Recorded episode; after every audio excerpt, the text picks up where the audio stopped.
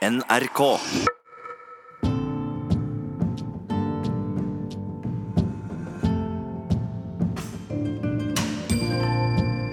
Dette er NRK P2. Tenk om vi mennesker ikke hadde hatt prevensjon. Hvordan hadde verden sett ut da?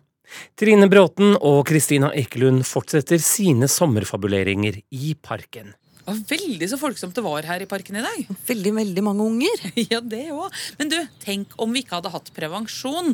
Da hadde vi vært mange her, da. Ja, Da hadde vel hele verden gått til grunne, da, for det hadde vært så innmari mange folk. Kanskje vi hadde fått en pest som hadde utrydda oss. Tenk om dette hadde vært 60-tallet. Da hadde du ikke kunnet sitte her og si ordet prevensjon høyt. Nei, det var hysj-hysj. Hysj-hysj å snakke om prevensjon helt fram til langt ut på 70-tallet. Du, Jeg må ringe pappa og høre om han syntes det var kjempeflaut å snakke om det da han var ungdom. Ja, Og så ringer jeg noen som kan noe mer om dette her, og prøver å finne noe i NRK-arkivet fra den tida. Hallo.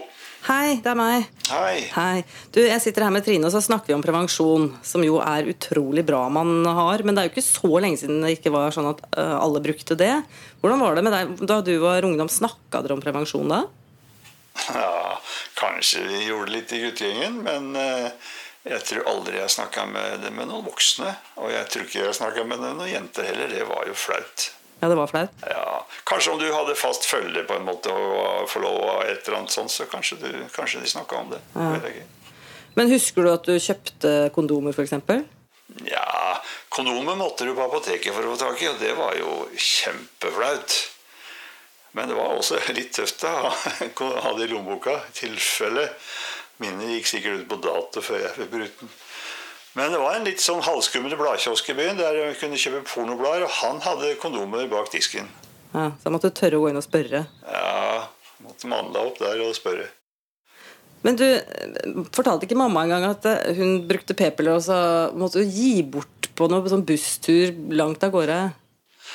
Ja, det har du kanskje hørt. Det er en litt sånn komisk sak, men eh, det er lenge siden. da. Det er vel i 1967 må det jo være. Vi var på reise mellom eh, Altså, vi skulle fra India til Pakistan. Vi skulle til Lahore i Pakistan. Og så var det det var kø og mye ventetid på grensen. Og så var det, vi satt der, og så var det en politimann som kom bort og prata med oss. Og så spurte han hvor lenge har du vært gift, og hvorfor har vi ikke noe barn? Og han var veldig sånn personlig. Og så forklarte vi det at jo, det fins jo p-piller. Og da skulle han jo ha ei pille. Vi prøvde å forklare henne at ei pille var ikke så mye vits. Men etter hvert så skjønte vi at det får ikke han den pilla, så kom ikke vi til Lahore den dagen. Så vi ga han ei pille til slutt. Ja, Så vi måtte gi bort en p-pille til en politimann illa på grensen til Pakistan? Ja. Ok, du, eh, vi snakkes snart. da Jeg må legge på og prate litt mer med Trine her. ja, ha det bra. Ha det. Tenk om. Tenk om vi ikke hadde prevensjon. Med Kristina Ekelund og Trine Bråten.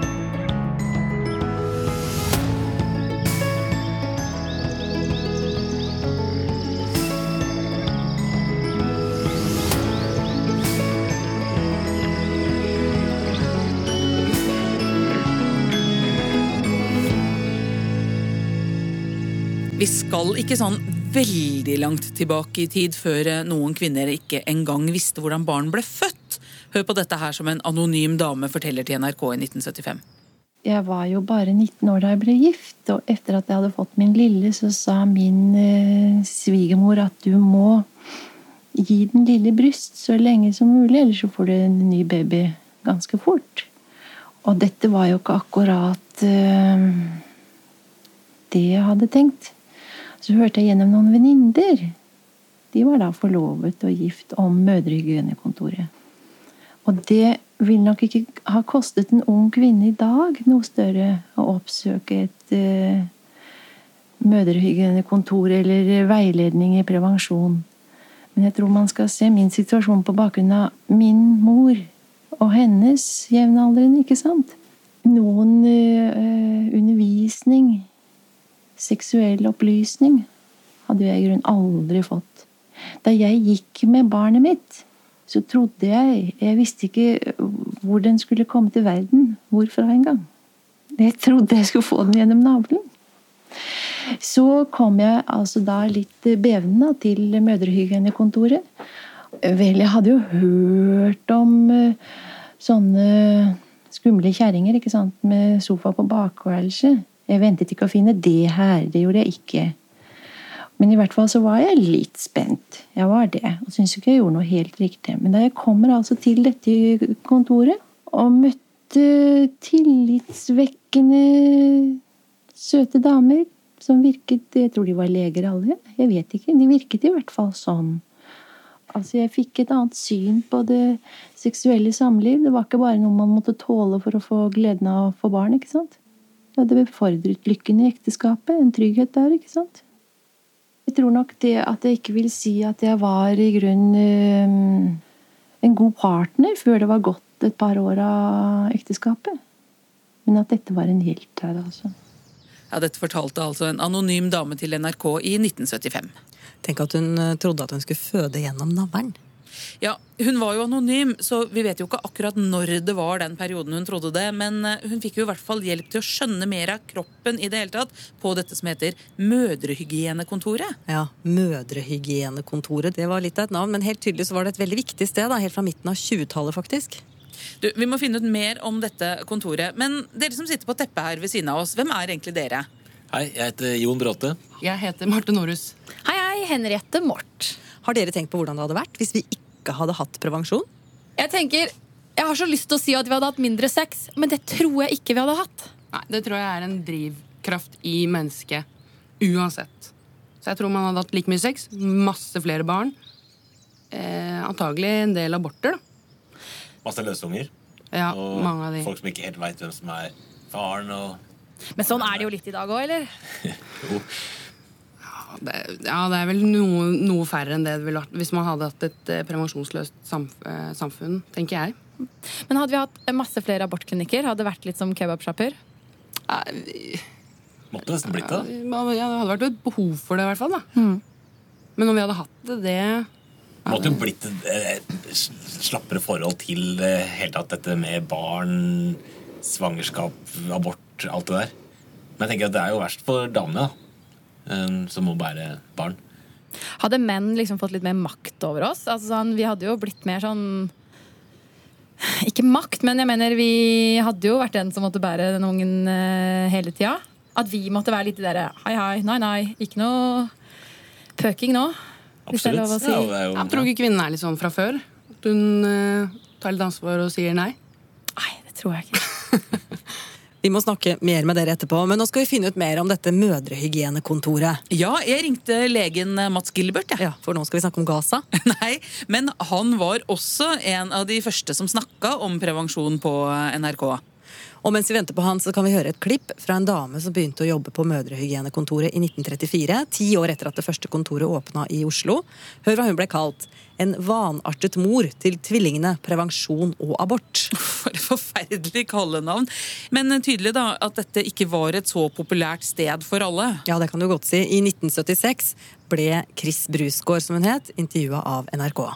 Vi nådde virkelig arbeiderkvinnene. eller Kan du fortelle litt om hvordan kvinners kår var, arbeiderkvinners kår var den gang? Da tenker jeg på enkelte kvinner som vel var representative for svært mange av dem som kom til oss. Slitte, magre kvinner med mange barn.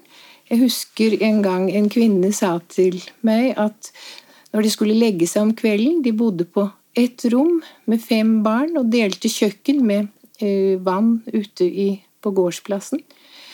Og jeg husker en kvinne som kom til oss. eh, Jeg husker ikke hvor mange barn hun hadde, men jeg husker at hun hadde hatt ni kriminelle aborter. Hun var gravid igjen, og nå turte hun ikke gå til klok kone fordi hun var blitt så dårlig siste gang, så hun var redd for at hun skulle dø fra mann og barn. Og likevel var det sprengstoff å komme med budskapet om prevensjon. Ja, det var det. I det hele tatt så snakket man jo ikke den gangen om menneskets seksualliv.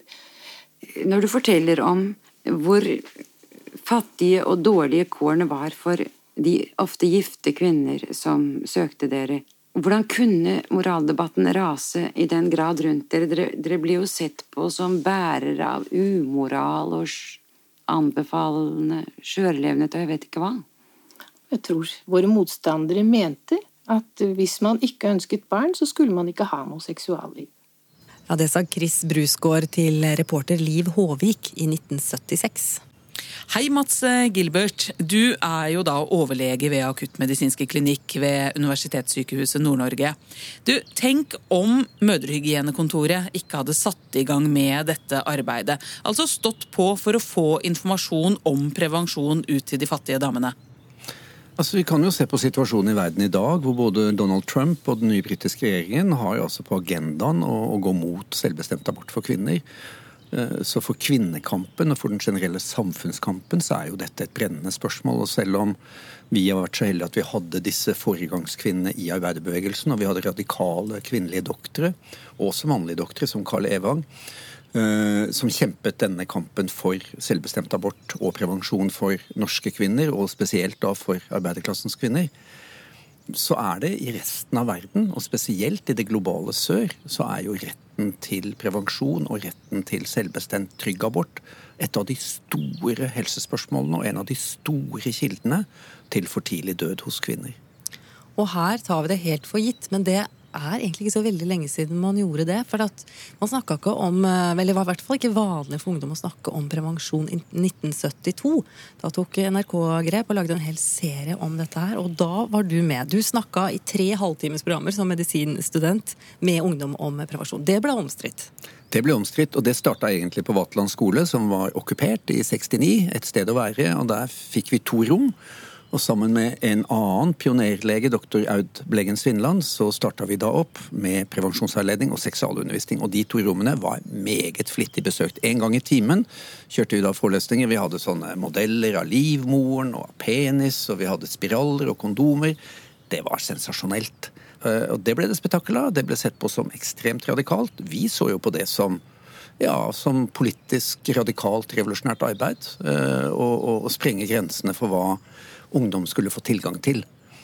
Og så eh, var det Sissel Bennik Osvold som var, gikk på Journalisthøgskolen og som eh, sammen med Frank Nordli tok initiativ til denne programserien. Og jeg ble spurt om å med, og det var jo selvfølgelig en fin forlengelse av det vi hadde gjort på et sted å være og okkupasjonen av Vaterland skole. Så det var rågøy å være med på, og vi venta jo bråk. Spesielt fra kristenfalangen, og det fikk vi. Vi skal høre litt fra det første programmet. All tilgjengelig kunnskap i dag viser at ungdom har en eh, katastrofal mangel, nærmest, på eksakt viten om prevensjon. En del ferske tall understreker dette. For eksempel kan vi nevne at i 1971 ble 8% av barna i Norge født utenfor ekteskap. Samme år var nesten hver fjerde brud under 20 år, og minst 90% av dem var gravide. Og i 1971 fant man også at halvparten av de ugifte kvinnene som søkte om abort i Oslo, ikke brukte prevensjon. Antallet søknader om abort er steget med 150% fra 1965 til 1971. Behovet for prevensjonsopplysning synes for oss helt klart, uansett fra hvilken vinkel man ser spørsmålet. Hjem og skole burde være forum for slik undervisning, men alt tyder på at dette er vanskelig stoff, følelsesladet stoff, og at denne undervisningen ikke blir fulgt opp i ønskelig grad. Derfor håper vi at vår radioserie vil kunne nå frem med hjelp og nyttige opplysninger. Vi ber om en positiv og åpen holdning fra unge og eldre lyttere, og gir ordet til programlederen Sissel Benecke Osvold. Ja, og Vi ønsker velkommen i studio Ingrid og Lasse og Mats Gilbert, som er medisinerstudent, og som skal stå for undervisningen om emnet prevensjon. Skal vi si noe innledningsvis om prevensjon, Mats Gilbert? Der har vi en rekke forskjellige metoder, og jeg tror det er nyttig å dele inn i metoder som krever tekniske hjelpemidler, og metoder som ikke krever tekniske hjelpemidler. Hvis vi ser på den siste gruppen først, så har vi der to veldig alminnelige og veldig mye brukte prevensjonsmetoder, nemlig avbrutt samleie og det som kalles for sikre periode, men som vi helst kaller for rytmemetoden. Og dessuten, da av tekniske metoder, så har man kondom, pessar, kjemiske midler av forskjellige typer, spiral og eh, hormontabletter, eller som populært er kalt p-piller. Dessuten en litt gammelmodig metode, nemlig utskilling. Hvordan finner man ut hvilke perioder som er sikre, hvilke dager som er sikre? Ja, Som dere sikkert husker fra helselæra, så er det altså midt mellom to menstruasjoner at eggløsningen skjer. Men så er det slik at selve eggløsningen kan variere ganske mye. Altså Eggløsningen kan komme til forskjellige tider mellom to menstruasjoner. Eh, Når man så skal beregne når man er sikker når man er sikker på å ikke bli befruktet, så må man finne ut akkurat når egget kommer. Og det er ikke alltid like lett å beregne. Og Derfor er ikke metoden så veldig god. Vi kan ikke stole på at menstruasjonen etterfølges av eggløsning akkurat på et bestemt tidspunkt. Jeg tror det er veldig mange som ikke, er, ikke, vil, ikke tør bryte de tabubegreper som er rundt seksualliv, rundt prevensjon. At man har veldig trang til å snakke om eh, slike ting, men at man ikke tør å gjøre det. At man derfor ikke vil snakke sammen om det. Er det flaut å diskutere prevensjonsmetoder seg imellom? Tror det er veldig forskjellig blant uh, forskjellige mennesker. Men jeg tror stort sett, hvis man har som utgangspunkt at vi må ikke få barn, så burde man kanskje være mer åpen for å diskutere prevensjon før man begynner å ligge med hverandre. Er det vanskelig for unge mennesker i dag å gå på apoteket og, og glatt be om å få prevensjonsmidler? Det kommer vel an på menneskene som er på apoteket. De som ekspederer den. Hvordan stilling de inntar. Man får tak i det naturligvis hvis man, hvis man vil. Men uh, man får kanskje et eller annet rart blikk fra det mennesket som står og ekspederer. Og det er fortsatt belagt med en veldig stor tabu, dette å skulle kjøpe preventiver. Og det skyldes ikke minst den holdningen som de unge blir innpodet med i skolen f.eks., hvor dette omtrent ikke snakkes om. Ja, det var første program med prevensjonsopplysning. Mye stoff og stort tempo, synes nok noen av dere. Det er vanskelig både å oppfatte og snakke med andre om dette stoffet. Dere får prate litt med venner og kamerater om det dere har hørt. Det vil kanskje hjelpe. Kanskje en liten samtale hjemme, der dere er nå også, ville komme noe positivt ut av. Det er 45 år siden, og da var det altså så tabu at programleder Frank Nordli måtte si både på forhånd og etterpå at vi vet at dette er vanskelig, og snakk gjerne med noen hjemme om dette osv. Mats Gilbert, er det litt rart å tenke på, eller? Ja og nei. altså Det står seg, dette. Det er, det er jo saklig og god uh, samtale. og Faktisk informasjon står seg. Eh, litt sånn vintage er det jo. Eh, litt, litt alderdommelig, men veldig nesten rørende å høre på. Eh, og jeg syns disse to ungdommene som var med, var veldig modige. Eh, og som du sier, det var jo enormt med introduksjon og ekstroduksjon med, med altså om og men og på en måte skulle reservere seg på alle bauger og kanter. Det var tiden. Eh, og det var, det var, ikke lov å, å snakke om seksualitet. Og ungdommen var jo som alltid opptatt av det. Så det er ikke så rart å høre på det, men, men, men eh, hvis du tenker på utviklingen fra da, hvor det var nærmest en sånn, sånn innkapslet hemmelighet mellom menneskene og ungdommene, som man bare snakket om på, i de lukkede rom, til nå, hvor seksualiteten er blitt en, en, en kommoditet, en, en, handelsvare, en fullstendig eh, grenseløs og på mange måter begrepstømt ting. Hvor, hvor, pornoen strømmer ut, hvor man har seksualisert reklame, hvor det ikke er noen som helst mm, følsomhet, respekt og uh, varsomhet i forhold til den intimiteten som seksualiteten er. Så kan man jo lure på om pendelen nesten har svingt den andre veien for langt. At ungdommen har mistet noe av det varsomme, vakre og faktisk følsomme som trengs for å få full glede av seksualiteten. Hva hvis ikke det hadde blitt vanlig for ungdom å snakke om og bruke prevensjon i dag? Hvordan hadde det sett ut da? Vanskelig å si, eh, men vi har jo hatt parallelle utviklinger. Både kvinnefrigjøringen, som kvinnene sjøl har stått for, som har vært det viktigste. Retten til eh, kontroll på egen kropp, retten til selvbestemt abort. Eh, og retten til kvinnebasert, kontrollert prevensjon. Det har vært den viktigste utviklingen. Og så har seksualopplysning og prevensjonsveiledning til ungdommen vært et viktig element. Men jeg syns jo at både kanskje både skolen og, og foreldregenerasjonene har vært altfor tilbakeholdne med å gi god og rasjonell opplysning og gi ungdommen valgverktøyene som trengs. Altså kunnskap, innsikt, faktakunnskap om prevensjonsmetoder osv. Det, og det tror jeg faktisk det fortsatt er behov for. Jeg tror fortsatt det er behov for kontinuerlig opplysning. Og så vidt jeg vet, så driver jo MSO, Medisinernes seksualopplysning, fortsatt aktivt opplysningsarbeid. Og det er et, det er et, et, et vakuum, det er et tomrom når det gjelder informasjon og rasjonell opplysning til ungdommen. Vi kan på en måte ikke overlate til pornoen å gi ungdommen rasjonell seksualundervisning. Og et diskusjonsrom der man kan snakke om hva man selv ønsker og, og vil ha. Men, men, tenk om ikke det hadde blitt vanlig da med, med, prevensjon. Tror du da vi hadde hatt på en måte mye sånn strengere sexmoral fortsatt? Tror du da man øh, hadde ligget mindre med hverandre? Ungdom?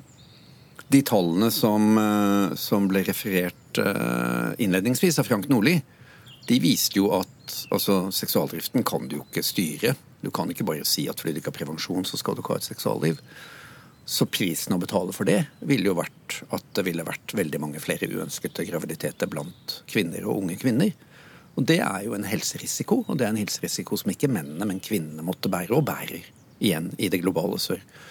Sånn at jeg tror nok at eh, rasjonell, effektivt og langtrekkende prevensjonsveiledning tidlig, kombinert med gode uh, diskusjoner om etikk, moral, følelsesliv, har gjort at Eh, spesielt kvinner og unge jenter kan ha et friere forhold til egen seksualitet, og dermed også være bidragende til kvinnefrigjøringen, som jo også handler veldig mye om en, en, form for likestilling som også er likestilling på retten til å bestemme over egen seksualitet.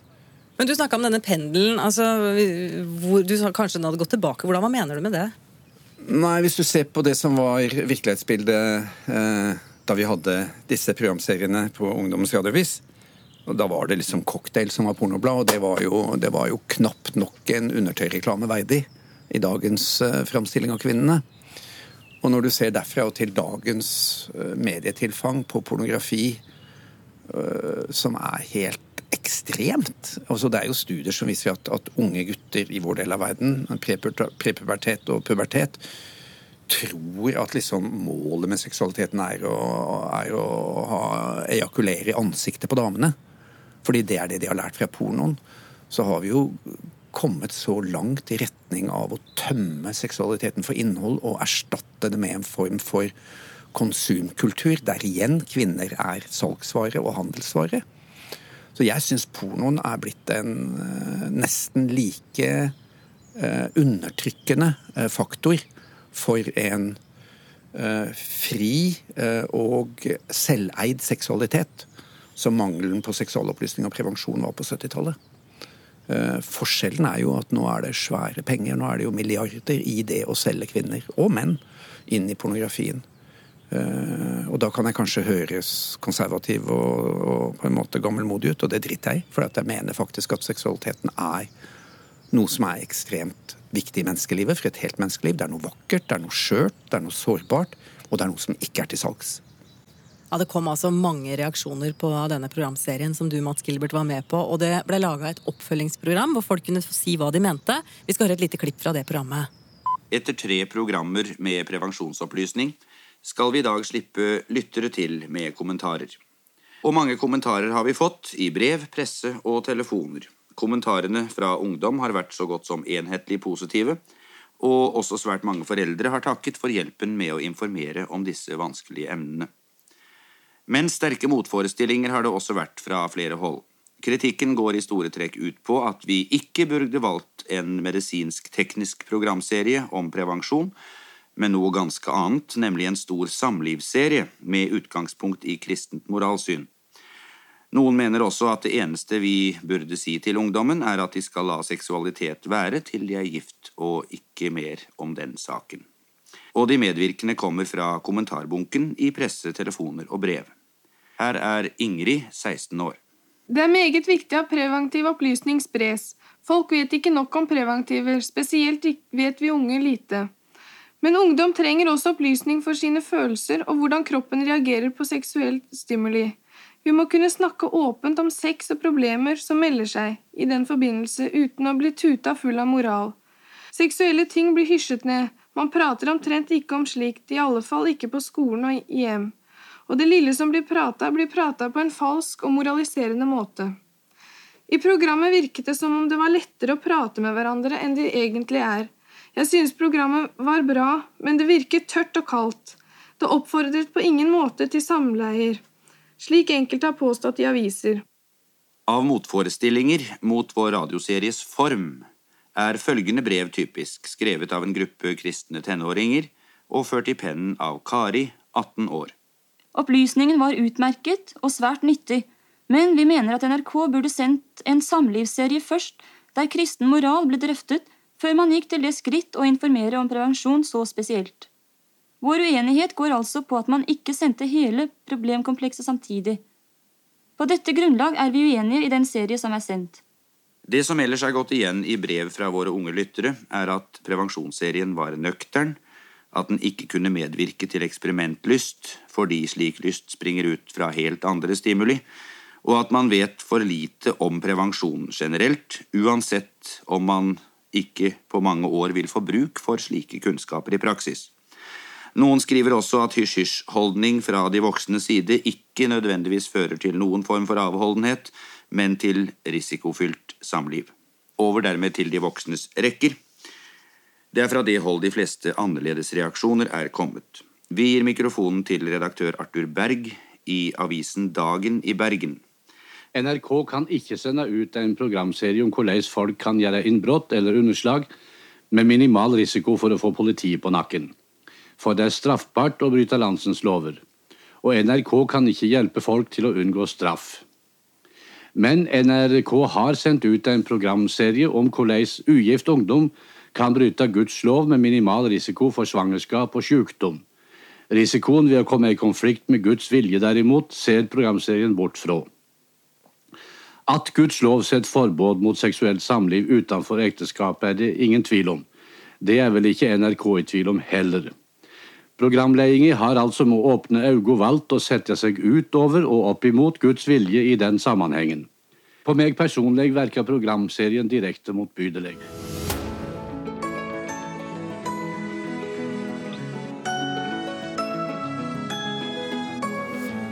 Direkte motbydelig, syns altså redaktøren i Dagen, Arthur Berge. Og det sa han til Ungdommens radioavis i 1972. Programleder var Frank Nordli. Hei, Sturla Stålseth, professor ved Menighetsfakultetet. Hvorfor var prevensjon så tabu for kirken? Det hørte vi jo her, fordi eh, det åpnet opp for eh, en eh, større etisk vurdering av spørsmål om seksuelt samliv så lenge man kunne veldig sterkt eh, holde det til eh, befruktningen og befruktningens formål gjennom familie osv., så, videre, så var det eh, et enklere bilde, kanskje, å, å trekke stramme linjer i. Og når prevensjon ble vanlig og ble en mulighet, så åpnet det opp for alle de andre, både etiske og biologiske, psykiske sidene ved seksualiteten, som Kirken har vært tilbakeholdne med eller sjenert for å snakke om. Hvorfor har de det? Nei, det handler vel om det tradisjonelle eh, kristne eh, synet, som hvor det ligger en slags eh, Egentlig en ganske overraskende dualisme mellom eh, kropp og sjel. Den går lenger tilbake enn en kristendommen. Den er egentlig den greske dualismen, hvor ikke sant, det sjelelige eller åndelige er satt over det kroppslige, og hvor det kroppslige gjennom den kristne tradisjonen har blitt eh, nedvurdert i forhold til de eh, skal vi si, høyere verdier.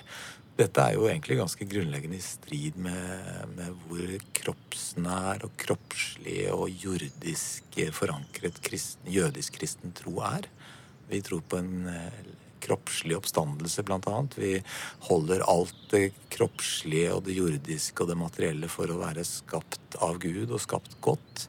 Så det ligger eh, egentlig i strid med, med en grunnleggende jødisk-kristen holdning til kroppen at vi har hatt en sånn eh, overordning av det åndelige og det sjelelige framfor det kroppslige. Men her ble jo da opplysning om prevensjon sett på som en oppfordring til å ha sex. Hva hvis man ikke hadde hatt prevensjon? Ja, jeg tror at det er utrolig viktig for oss som lever i, i prevensjonens tidsalder, å, å, tenke hvordan så livet ut når dette faktisk ikke var en, en mulighet. Altså hvilke risikoer, hvilke farer, hvilke eh, destruktive sider for eh, kvinner, ikke minst, eller for barn, for svakere eh, den gang svakere stilte i, i, samfunnet. Så jeg har lettere for å forstå skal vi si, den pietistiske moral. Man kan tenke alt fra, fra forholdet til, til, sex til forholdet til kortspill eh, når man spilte seg fra gård og grunn. Ser vi på konsekvensene av skal vi si et, et, et annet holdning eller en mindre restriktiv holdning til seksuelt samliv i tiden før prevensjonen fantes, så skjønner man hvorfor, eh, hvorfor dette var eh, mye mer reelt og påtrengende, og hvorfor mye endrer seg når prevensjonen blir allmenn slik den er i dag. Kunne man hatt tilnærma likestilling uten prevensjon? Det ville vært mye mer vanskelig. Abort har jo også alltid vært veldig vanskelig for kirken. Og abort var jo, og er jo, ofte en følge av det å ikke bruke prevensjon. Skulle man ikke tro at kirken var skikkelig glad for at man begynte å bruke og snakke om prevensjon? Jo, jeg mener at det er eh, veldig i kirkens interesse, i samfunnets interesse, veldig etisk eh, viktig at eh, både kunnskapen om prevensjon og, og samtalen rundt det er sterk og tydelig eh, tidlig. Eh, fordi det er klart at eh, ingen løser noen etiske utfordringer ved å lukke øynene for dem. Og kunnskap om, om prevensjon burde jo derfor nettopp være noe av det som Kirken eh, tidlig støttet opp under for å, å hjelpe i vanskelige livssituasjoner. Men du, Hvordan hadde samfunnet vårt sett ut uten prevensjon i dag? Eh, ja, det er ikke lett å si. Eh, men jeg tror nok at vi måtte hatt eh, andre sterkere eh, samtaler omkring felles ansvar eh, for barn og for eh, omsorg. eh, og kanskje samlivsformene hadde sett annerledes ut. Dette er jo vanskelig å tenke, men, eh, men det er en så eh, bestemmende del av eh, hele samfunnet og hverdagen at det er eh, rett og slett vanskelig å tenke seg uten den. Men slik levde man jo da i størstedelen av menneskehetens historie fram til ganske nylig. Så levde man slik, og, og i store deler av verden så lever man jo faktisk også eh, slik blant fattige. Tenk at en liten gummibit og noen piller kunne snu hele moraldebatten på hodet. Ja, Det er jo et paradoks da, at noe som kunne hjelpe folk å unngå uønskede graviditeter, skulle være så omstridt. Men uh, ungdommene midt oppi det her, da? Hva visste de? Hva tenkte de? Det lurte NRK på i 1972. Du kan føle et press overfor den, den gutten du er sammen med. Fordi at uh, du, du syns du har et mye større ansvar fordi du vet at det, det er du som blir sittende igjen med barna eventuelt. Og det er du som hele går, går mest i frykt for å bli gravid. Mens gutten jeg har inntrykk av at han ikke, ofte ikke har et så stort ansvar. Han føler ikke det ansvaret, i hvert fall. Og da kan du føle et sånn press på en måte fra den gutten, for at han har en annen innstilling til det. lite grann. så er det innmari vanskelig å liksom prate med gutten at han skal bruke prevensjonsmidler. og sånn. Det er liksom ikke hans sak, altså. For det, det er ikke han som blir gravid.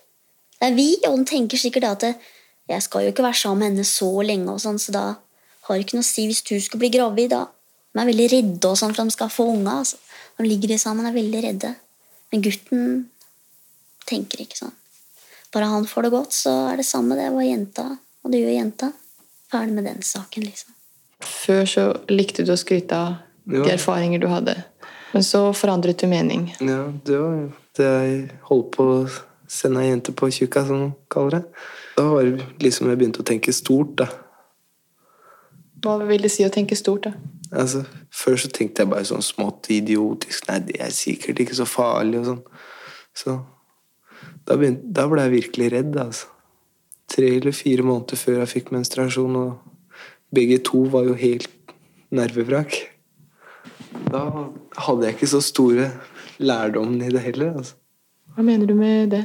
Altså, Jeg hadde ikke hørt noe av mine foreldre i det hele tatt om seksuallivet. Jeg hadde bare hørt av mine kamerater. og begynte jeg å eksperimentere selv. Hva syns du om de opplysningene du fikk av kameratene dine? Nå vil jeg si at det var uhyggelig dårlig. Det var bare sånn skryt og Ja. Sa at du burde prøve å ligge med ei jente en gang, og det er ikke noe mot å Eller onanere er ikke noe mot å ligge med ei jente, og De bare skryt. Hvis jeg begynte å snakke om sånn hjemme, så da var jeg barnslig og dum, så jeg fant ut at jeg kunne bare kutte ut. Det nytter ikke. eksempel mora og faren min de måtte gifte seg når mora mi var på samme alder som de er nå. Hun var veldig redde for at jeg skulle bli gravid og komme i samme situasjon som dem. Men likevel så vil de ikke snakke om det hjemme. Jeg jo at veldig mange mennesker er hemma og ikke, ikke tør å snakke om det. For at det, det er noe som er stygt eller noe. Ja, det var Solveig Bøhle som hadde snakket med ungdommer i programmet Ungdommens radioavis 1972. Irmelin Wister, du var kvinnesakskvinne og var med på å starte Kvinnefronten. Hva tenker du når du hører disse ungdommene? Det minner meg jo på hvor, hvor langt borte det der egentlig er, altså i forhold til dagens virkelighet. Og det bringer meg jo tilbake til eh, å huske hvordan vi tipset hverandre om leger som var eh, liberale i prevensjonsspørsmålet. ikke sant? Det måtte du jo finne ut av. Det er jo ikke så veldig vanskelig hvis man bor i Oslo hvor det er eh, høy legetetthet. Men hvis du er en ung kvinne som skal inn i den perioden av livet hvor du debuterer seksuelt, og er såpass fornuftig at du skjønner at du må beskytte deg, så vet jeg ikke riktig, jeg. Den ene legen som alle i bygda går til, det er gjennomsiktig, og det er klart, hvis du er en ung jente og vil ha et seksualliv, så var det jo lett på tråden. For gutta så var det jo en fjær i hatten. For jentene var det jo noe som Nei, nei, nei, nei hun er ikke god, hun der. Ja, Men nekta leger å, å ja, gi å, ja, ja, ja, ja, ja. Massevis av historier om det fra, fra hele Norge. Om at eh, nei, det Men etter hvert så begynte jo um, dette ordnet ordne seg, ikke sant? Og du eh, kunne få tak i Da p-pillen kom, var jo det en stor revolusjon, altså. Ja, Hvor viktig har det, var det? Ja, Det har vært helt grunnleggende viktig. Fordi for å oppnå like muligheter så må du gi kvinner kontroll på egen biologi. ikke sant? Og så langt det er mulig, så er det å kunne ha sikker prevensjon helt sentralt. Og når den da svikter, eller du av andre grunner ikke ønsker å bære fram et barn, så må du ha selvbestemmelse i forhold til abortspørsmålet. Det er to absolutte bærebjelker, da. Men det er klart at dette kom jo også midt i eh, en periode hvor det var veldig mye snakk om seksuell frigjøring. ikke sant? Hvor det var et stort brudd med den konformiteten som hadde eksistert. Altså eh, for eksempel eh, hvis du ikke ville gifte deg, hvilket etter hvert en del jo ikke ville, og mente at et samboerskap eller å være aleneforsørger også måtte være mulig. At familie kan konstrueres på mange forskjellige måter. Det må ikke være mor, far og barn hvor far er på toppen. Og alle de andre må gå og spørre om lommepenger, kanskje, eller noe sånt, og ha middagen klar. Altså, da, du må jo ha muligheter, da, til å skape deg din egen plattform. Og hvis du f.eks. fødte Med den tiden her så kalte de det uekte barn. Jeg husker uh, han jeg levde sammen med og hadde barn sammen med, vi ville av mange viktige prinsipielle grunner ikke gifte oss. Uh, prøve, Det var et lite individuelt forsøk på å brøyte noe nytt terreng. da, Og ta de kampene som det førte til. Blant annet å få leilighet i begges navn. ikke sant? Det var kjempestyr. I dag er det ingen som skjønner at ikke det skulle være mulig. Men da husker jeg en eldre tante av meg sa at du mener ikke at barnet skal bli et uekte barn. Altså, det var en sånn normpress, da. Og det var så viktig å få luftet ut det der og åpne de dørene. Og den selvstendigheten som prevensjon, lønnet arbeid, barnehageplass, selvbestemt abort Altså disse bærebjelkene i det å komme ut av definisjonen det annet kjønn, men å være en fullverdig del av menneskeheten med like rettigheter og muligheter prevensjon var helt sentralt. Ja, for Hvordan hadde kvinner hatt det i dag, tror du, hvis vi ikke hadde hatt p-piller? Ja, det er vel enkelt kanskje å tenke at det første som ville skjedd, var at vi ville hatt flere barn. Det er jo liksom det enkleste å si om det, men det er eh, Nei, det er eh, Vi ville hatt eh, Hvis vi ikke hadde hatt prevensjon, men samtidig hatt en abortlovgivning, så ville vi hatt flere aborter. Og det er ingen, ingen ønsket utvikling. Og så ville vi jo selvfølgelig hatt en helt uh, utrolig skjevfordeling i En enda verre skjevfordeling i maktforholdet. Altså da seksualiteten ville Det måtte, hadde vært 100% på menns premisser. Så Nei, det er et forferdelig scenario. La oss bare være glad for at eh, den kom. Men det hadde jo ikke gjort noe selvfølgelig om det ble forsket en smule mer intensivt på prevensjon for menn. For det er jo mange kvinner som har bivirkninger og ubehag av å bruke p-piller. Men det er jo helt tydelig at vi skal bære ansvaret for prevensjonen òg, som flere av disse i intervjuet dere kjørte, la vekt på. Det virker ikke som han syns at det Nei, vi skal, vi skal ha et seksualliv sammen, men så får du fikse det som måtte bli resultatet.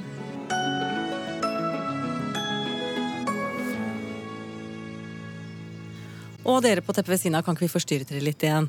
For nå hørte jeg at dere snakker om en verden uten prevensjon, og at dere har dratt inn næringslivet.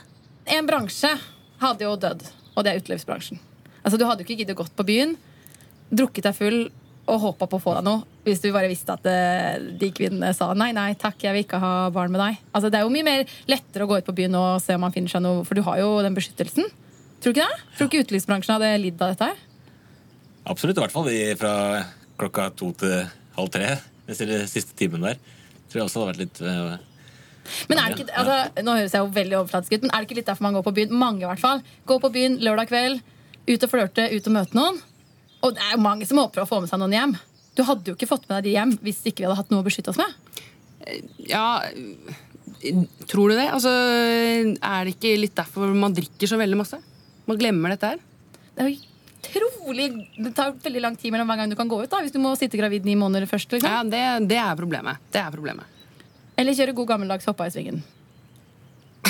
Folk ville jo vært gravide hele tiden, da, som du sier. Altså, det ville vært veldig rart. da. Man måtte kanskje hatt noen sånne ordninger hvor eh, man kunne bare gi fra seg barn, eller eh, altså for det, som du sier, Jeg tror ikke vi hadde slutta verken å drikke eller å ha sex. Det, de to tingene der er det beste mennesket veit å, å gjøre. Og det vi prøver på hele tida. Men når du sier ordninger med å gi fra seg barn, hvem skulle hatt det? Noen skal ta imot. Vi har hatt veldig masse barnehjem, da. Ja, ja. Så alle de som i dag jobber i utelivsbransjen, ville begynt å jobbe på, på Men de drifter drifter barnehjem for å holde utelivsbransjen i gang. Ja, ikke sant? Mm. Det er næringsvett. Jeg tenker sånn, De mennene som hadde vært sterile, ville jo blitt ekstremt Ja. populære.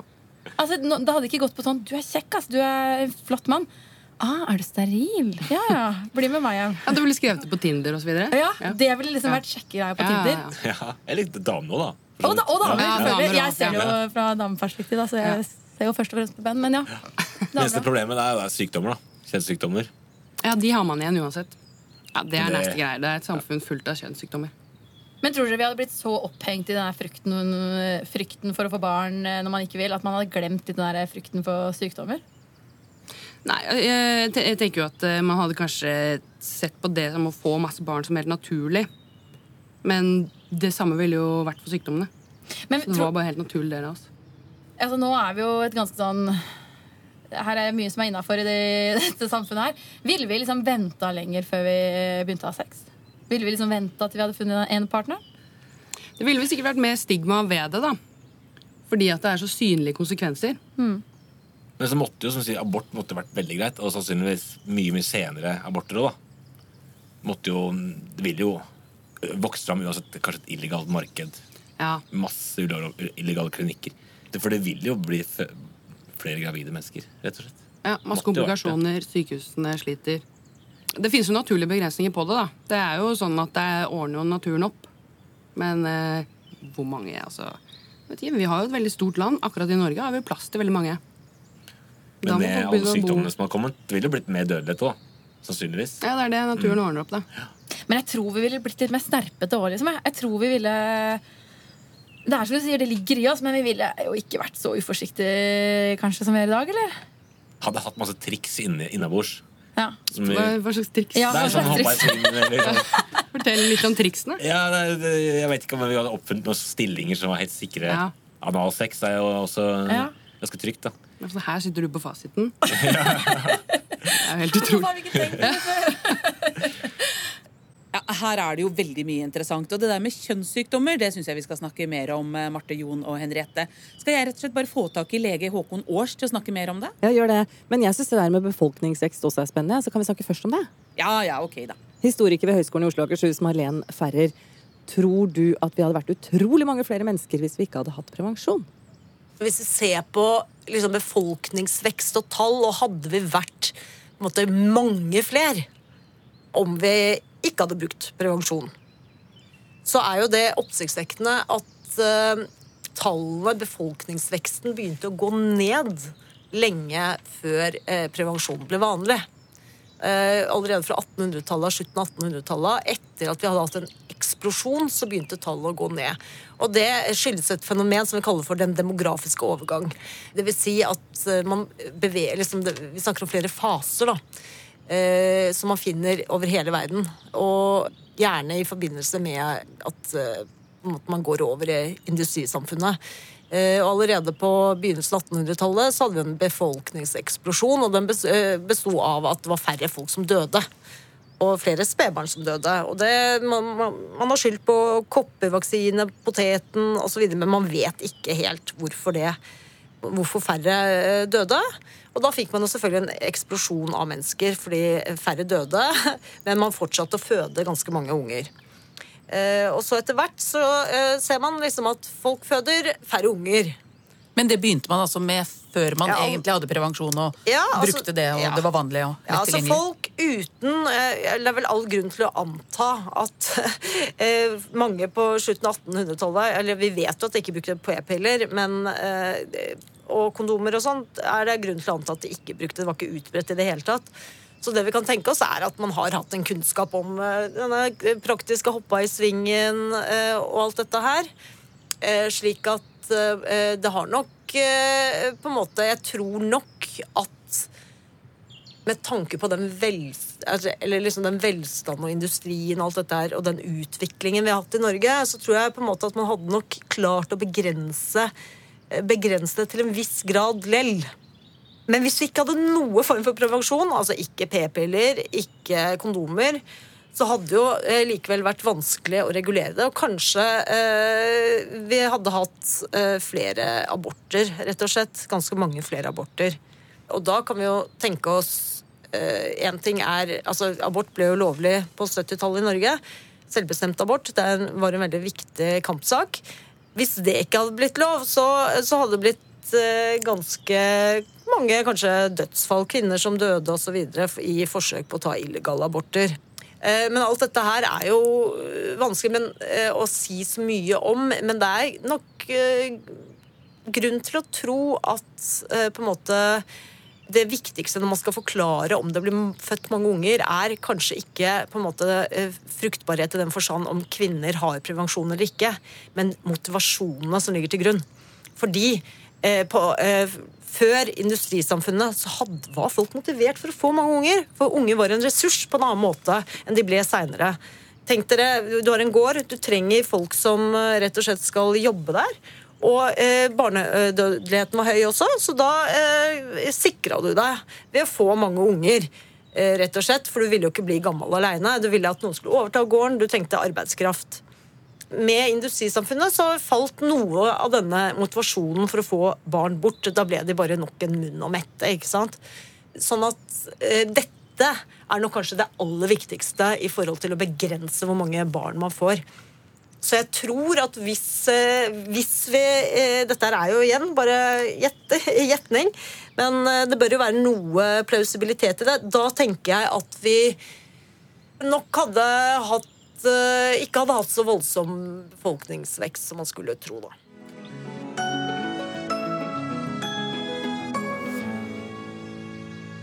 Hei, Håkon Aars. Lege, psykiater og sexolog. Du, tenk om vi ikke hadde prevensjon.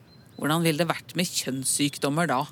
Nei, da hadde vi nok sett en verden med veldig mye mer eh, kjønnssykdommer enn det er i dag. Fordi vi ser jo i dag, når vi nå jobber veldig tett på å kunne få folk til å bruke kondom, som er det middelet som beskytter mot kjønnssykdommer i størst mulig grad, så ser vi jo at eh, de som ikke bruker det, i de, i de befolkningsgruppene så sprer jo kjønnssykdommer seg veldig. Vi ser jo en økning av i dag i klamydia, vi ser en økning i gonoré, syflis, eh, og mm, det er jo da blant grupperinger som ikke bruker kondom. Sånn som i forhold til hiv, da. Som jo, altså hiv, som jo er eh, den store faren, har vært den store faren og fortsatt er den store epidemien når det gjelder kjønnssykdommer, så ser vi jo at i eh, land som ikke er vestlige, i andre deler av verden, så sprer jo hiv seg fordi man ikke har lov til å snakke om og bruke prevensjon. Kirken eller de andre eh, religiøse samfunnene forbyr det. Og dermed så ser vi at det er en økning av kjønnssykdommer. Veldig stor grad. Pressa prevensjonen seg fram fordi det var så ellevilt sexliv, eller eh, fikk vi det elleville sexlivet fordi endelig kunne man beskytte seg? Eh, Jeg tror at Altså, folk har alltid hatt sex. Og i, gjennom historien så vet vi jo at sex har utspilt seg på alle mulige slags måter tilbake til si, gamle romerne og grekerne og oldtidssamfunnet. Og de, og det, vi, vi har jo historier på at folk var kjempepromiskuøse og knulla rundt og hadde seg voldsomt. Eh, og ikke brukte prevensjon. Så jeg tror nok at eh, eh, kanskje det elleville sexlivet har, har har nok bestått før prevensjon. Det tror jeg.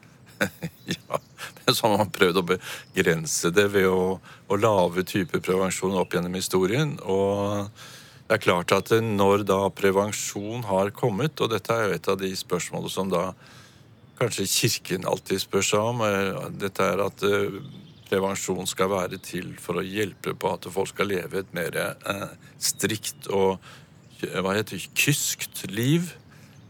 Jeg tror ikke så veldig på det. eh. Men det er klart at prevensjon, i hvert fall den type prevensjon som vi snakker om her nå, som er kondom, den beskytter jo mot spredning av kjønnssykdommer. Og gjør jo at eh, man kanskje kan ha et friere seksualliv. Men eh, p-piller, selv om ikke de beskytter mot kjønnssykdommer, det må ha hatt ganske mye å si for, for hvor mye sex man har. Ja. Det er klart at p-pillene var nok en revolusjon i forhold til dette med å kunne ha et altså Hvis vi sier da friere sex, men nå jeg redd for å bruke ordet friere sex, fordi kirken er jo opptatt av det begrepet, og det har veldig sånn moralsk eller skambelagt eh, greie i seg. Jeg vil heller si tryggere sex. Prevensjon har gjort at man kan ha en tryggere sex både i forhold til seksuelt offentlige sykdommer og kjønnssykdommer, og i forhold til det å bli gravid.